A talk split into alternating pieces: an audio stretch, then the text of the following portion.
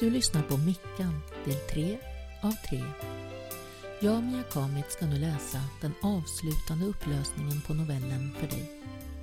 När vi lämnade Mickan i förra avsnittet var hon orolig för sin pojkvän Micke som verkar djupt indragen i mc-ledaren Tobbe Karlssons skumma affärer. Vad håller Micke hus? Och varför dyker han upp blodig och utmattad och försvinner lika spårlöst igen? Hon har ju något väldigt viktigt att prata med honom om. Är du med? Hon synade golvet efter blodspår. Det hade ju varit torrt och fint väder, så sulorna hade inte dragit in någon smuts eller gjort våta avtryck. Det fanns ett litet märke på golvet. Man hade lätt kunnat förväxla det med ett jordigt avtryck men när hon tittade nära såg hon att det skiftade i rött. Det var blod. Paniken grep tag i henne och hon for upp och in i badrummet för att sätta på maskinen och tvätta bort alla spår. Hon torkade golvet rent och låg sedan i sängen i mörkret och vaggade med en kudde hårt tryckt i famnen. Stilla tårar rann ner för hennes kinder och blötte ner hennes hår och örngott. Hennes huvud bultade och hon visste hur svullen och rödögd hon skulle se ut imorgon. Vad skulle hon ta sig till? På torsdagen efter det sista skiftet, innan helgledigheten, var hon tvungen att åka förbi ICA-affären. Det var tomt i kylen och helgen var lång. Det var med verkande armar hon baxade upp fyra fulla kassar över tröskeln och ställde ner dem i hallen. Det stod två travar med ölplattor längs väggen. Hon stängde dörren och gick raka vägen in i lägenheten utan att ta av sig skorna. Hon hörde att duschen strilade. Plötsligt rycktes dörren upp och bakom henne kom tre stora manskroppar och välde in i hennes hall. Det var Knutby och två andra som hon inte kände namnet på. Hon måste sett skräckslagen ut och hon fick inte fram ett ljud. Tjena, sa Knutby med ett flin. Sen tog hon ett par steg och började konka ölen ut ur lägenheten. De andra två gjorde likadant och grymtade bara någonting medan de föste Mikaela bakåt med sin blotta närvaro. De sprang ner och upp ett par gånger och sen stod de tysta i den trånga hallen och bara väntade. Och Mikaela insåg att de väntade på Micke. Badrumsdörren öppnades och där stod han våt i håret och med en plastkasse i handen. Han såg bedrövad ut och Mikaela kunde se att hans läpp var spräckt. Han kunde inte se henne i ögonen utan rörde sig bara mot hallen och grabbarna som hade öppnat ytterdörren nu. Men vart ska du? började hon. Och var har du varit någonstans? Du fattar väl att du inte kan sticka igen? De tre storvuxna mc-killarna stojade i trapphuset så det ekade. Men man kunde inte urskilja vad de sa. Mikaela slet tag i Mickes huvudtröja och försökte klamra sig fast, men han drog sig loss. Vi får ta det sen, sa han lågt. Nej! skrek hon hysteriskt. Inte sen, nu! Du stannar här!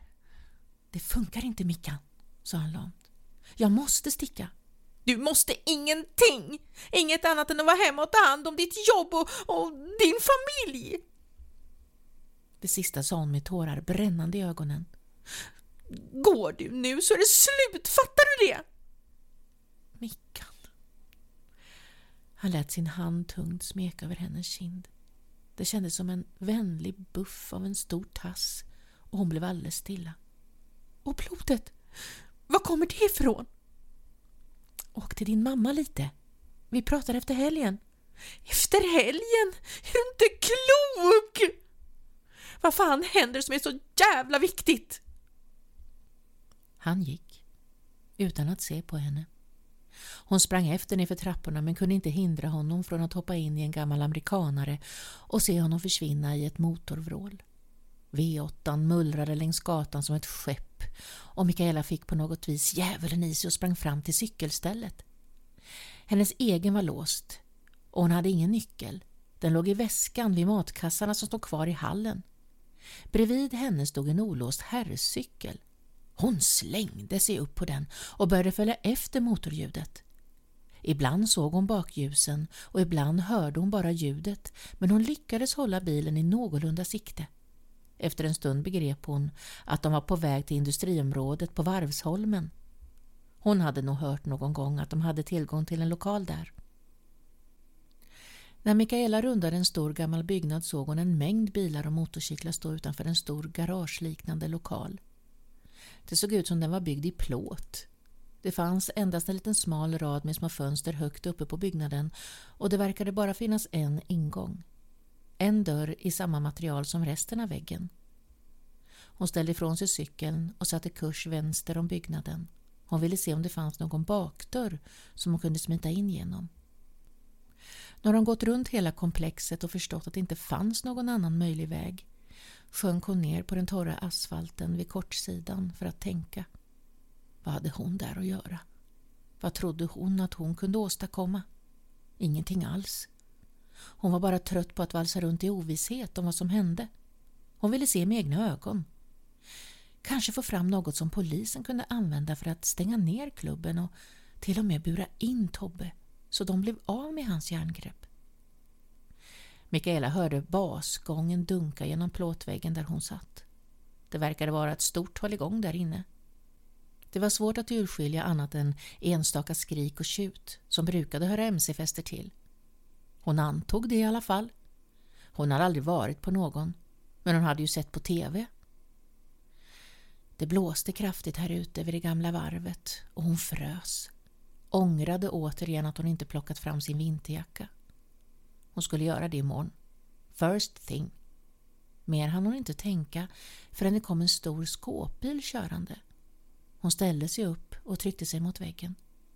Bilen stannade utanför dörren och en man i svart rock hoppade ur passagerarplatsen. Den fladdrade vilt i blåsten och han försökte samla ihop tyget medan han öppnade sidodörren.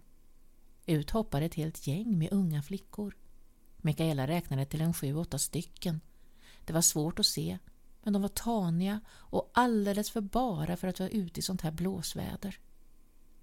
De såg lite ängsliga ut och försökte att hålla ihop i sin lilla grupp, men flera män kom och blandade sig med dem och förde dem mot dörren. Kvickt såg Mikaela sin chans att ta sig in tillsammans med gruppen och slängde av sig sin jacka och sin tröja. Nu närmade hon sig den upptagna samlingen i jeans och ett tajt litet linne. Kylan bet i hennes bara armar. Hon hann lagom att dra gummisnoden ur håret så de ljusa hårslingorna dansade i vinden när de upptäckte henne. De såg förvånat på henne men hon blinkade tungt och sluddrade ur sig att hon bara behövt ta lite luft. En av männen skrattade och la passligt en arm runt hennes skuldror lagom som dörren öppnades och alla skulle tränga sig in i lokalen. Hon var inne. Till skillnad från utanför var här varmt och en stickande lukt träffade hennes näsborrar. Dimman låg tät och när sällskapet nådde den övriga trängseln passade Mikaela på att smita längs väggen och ut med sidan av rummet. Det var en jättelokal och det kryllade av människor. Hon försökte få en skymt av Micke men det var omöjligt. Det fanns mängder av sittgrupper med höga ryggar vända utåt som liknade säten i en tågkupé och de utgjorde små öar av avskildhet om man inte gick direkt på rundlarna. Från platsen där hon stod såg hon inte skogen för alla trän. Det var ett gytter av armar och ben. Hon rörde sig längs väggen, ville bort från larmet. Bakom en massa kartonger och staplat bråte gick en liten smal korridor där Mikaela fick känslan av att det ledde till bakre regioner. Ett lager kanske? Det hade möjligen varit ett lager en gång. Nu var det tomt, så när som på några lastpallar, drickabackar och spritlådor. Hon gick fram för att titta. Hade hon tur fanns det smuggelcigaretter och kanske knark. Det skulle absolut vara tillräckligt för att få Tobbe bakom lås och bom. Flickorna hon mötte där ute kanske var prostituerade. Eller ännu värre, trafficking-offer. Hon kände sig nästan upprymd när hon tänkte på hur en polisrazzia skulle kunna lösa deras framtidsdrömmar. Hon tog fram mobiltelefonen ur bakfickan och tog några kort. Bakom lastpallarna låg plast på golvet. Plötsligt förstod hon att det låg någon där under och fick genast puls och snabb andhämtning. Det var med darrande fingrar hon flyttade på lite av plasten för att se vem det var som låg där. Tänk om det var Micke! Det var blod och kroppen rörde sig inte. Hon mådde illa. Det var inte Micke. Det var Mogge. Mikaela ville kräkas när hon såg hans blodiga trasiga ansikte. Hon la sig på knä bredvid kroppen och kände på hans hals. Han var varm, verkade ha puls. Hon viskade hans namn men han svarade inte. Hon ställde sig häftigt upp och tog ett foto med mobilen på Mogge. Sen slog hon med bultande hjärta 112. Det var inte många ord Mikaela hunnit säga innan hon hörde röster. Hon förstod att hon måste ut från lokalen och la snabbt ner telefonen i bakfickan utan att stänga av det pågående samtalet med operatören. Hon gled snabbt längs väggen vid korridoren och när en grupp grovhuggna män kom in och fortsatte bort mot Mogge smet hon ut samma väg. Hon var åter i korridoren och närmade sig festlokalen och den mäktiga ljudnivån. Hennes plan var att vänta på polisen utanför vid gaveln där hon lämnat sin jacka. Men nu var det fullt av rörelse och hon blev medknuffad ut i händelsernas centrum. På väg åt hennes håll kom en man hon väl kände igen. Tobbe. Och han hade sett henne. På bråkdelen av en sekund var han framme vid henne och hade gripit henne om armen. Lilla mademoiselle Mikkelina, sa han och höjde lite på ögonbrynen. Hur kom du hit? Var är Micke? sa hon och flämtade och det kändes som hon sprungit 60 meter under 10 sekunder. Han sköter sina sysslor, precis som du borde göra. Men jag måste prata med honom. Jag har inte sett honom på hela veckan och jag måste få prata med honom nu. Det har hänt saker. Vad då för saker? sa Tobbe lugnt och la båda sina stora händer på vardera kinden på Mikaela och gnuggade så hon tvingades pluta med munnen. Hon vred huvudet lite bakåt så han tappade greppet. Men han hade låst fast henne med blicken som var mörk och intensiv. Kan du inte bara säga vad han är, så ska jag gå sen, försökte hon. Han är ute och kör en sväng. Han tittade på klockan och fortsatte. Och om vi har tur så har vi honom här om ett par timmar. Han har ingen bil, sa Mikaela. Jo då, skrattade Tobbe. Det har han visst det. Företagsbilen. Vilken företagsbil? Katarina såklart. Vet du liten, sa han återigen vad han i ansiktet på henne med ena handen. Den här gången strök han henne med utsidan av fingrarna. Vet du, nu när du ändå är här får du ju stanna en stund. Återigen tog han ett stadigt grepp om hennes smala arm och det gjorde ont när han drog henne med sig i folkvimlet. Efter en stund i trängseln fann han det han sökte. Tre unga män i skinnväst med emblem som var identiska med hans egna. Han låg ett snett leende när han bryskt puttade Mikaela fram i famnen på den som stod i mitten. Jag vill att ni sitter barnvakt några timmar, så Micke kan få arbeta ostört en stund till. Han borde ha passerat bron vid det här laget. Visst, vad har du tänkt dig? Hm. Söt liten flicka. Ni kommer nog på något. Han garvade genom att blåsa ut luft genom näsan. Sen blinkade han åt Mikaela samtidigt som han åstadkom ett litet klickljud med munnen, vände sig om och var försvunnen. De tre männen kunde inte vara äldre än 19-20, tänkte Mikaela. Men hon satt fast i ett hårt grepp medan de förde henne till en mer avskild del av den stora lokalen. På vägen såg hon både par och små grupper som helt klart hade eller skulle roa sig på ett vuxet sätt. Mikaela var skräckslagen och kände igen uttrycket i minst ett par mötande kvinnoögon. En ung, blek, brunhårig flicka som hade fått det rosa läppstiftet utsmetat i mungipan. Mikaela kunde även ana svarta spår längs kinderna vilket brukade innebära tårar av smink. Måtte polisen komma snart, tänkte hon. De borde vara här när som helst. Jag kommer klara mig. Jag behöver gå på toaletten, försökte hon men de verkade inte lyssna på henne. Istället öppnade de en stängd dörr och ledde in henne i ett skumt svalt rum utan möbler. Det drog kallt och när ögonen vant sig förstod hon att det var i ett förråd av något slag. Där stod en skottkärra och spadar och räfsor lutade mot ena väggen.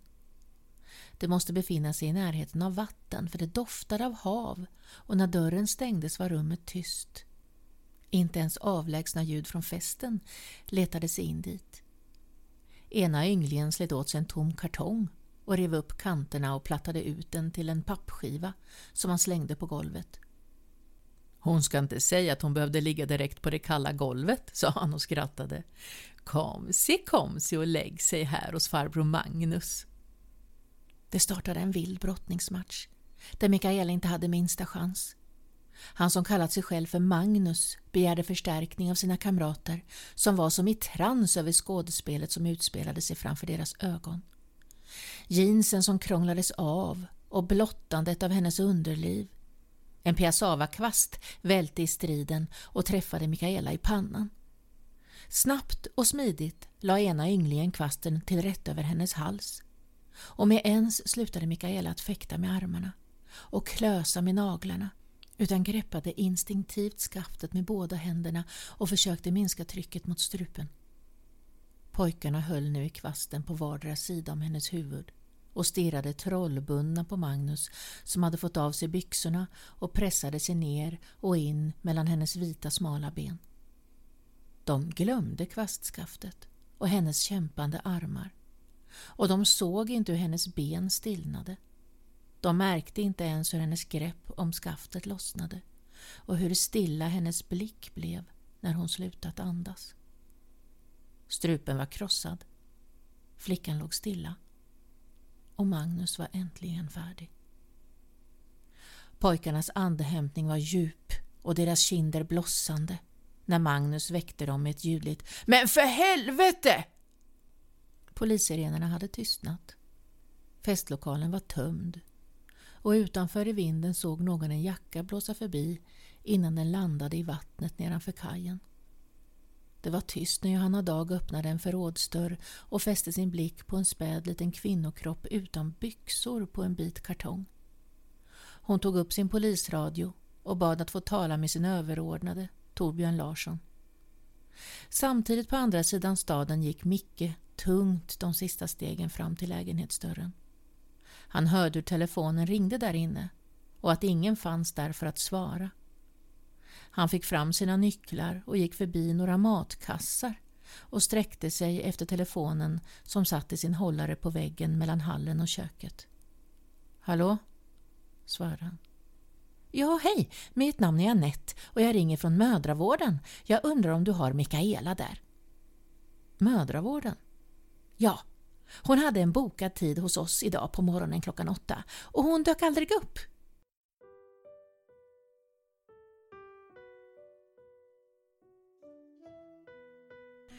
Tack för att du har lyssnat. Livet kan vara brutalt ibland. Det får vi nog alla erfara på olika sätt. Vi knär en tid, sörjer och något i oss går sönder. En del går att reparera, annat blir erfarenheter som vi bär med oss och formar vilka vi blir. Alla har sin sorg att bära och har man det inte än så kommer det i sinom tid. Mickan får påminna oss om att hitta modet och kraften att förändra och ta vara på våra liv om vi inte redan gjort det så att vi inte ångrar oss en dag och märker att vi låtit chansen glida oss mellan fingrarna. I nästa avsnitt ska jag berätta för dig om katten Assar som spelar en viktig roll i en historia om gamla hemligheter och vad som händer när de når ytan. Hoppas du blir nyfiken och vill fortsätta lyssna. Ta hand om dig nu tills vi hörs igen. Hälsningar från mig, Mia Kamitz.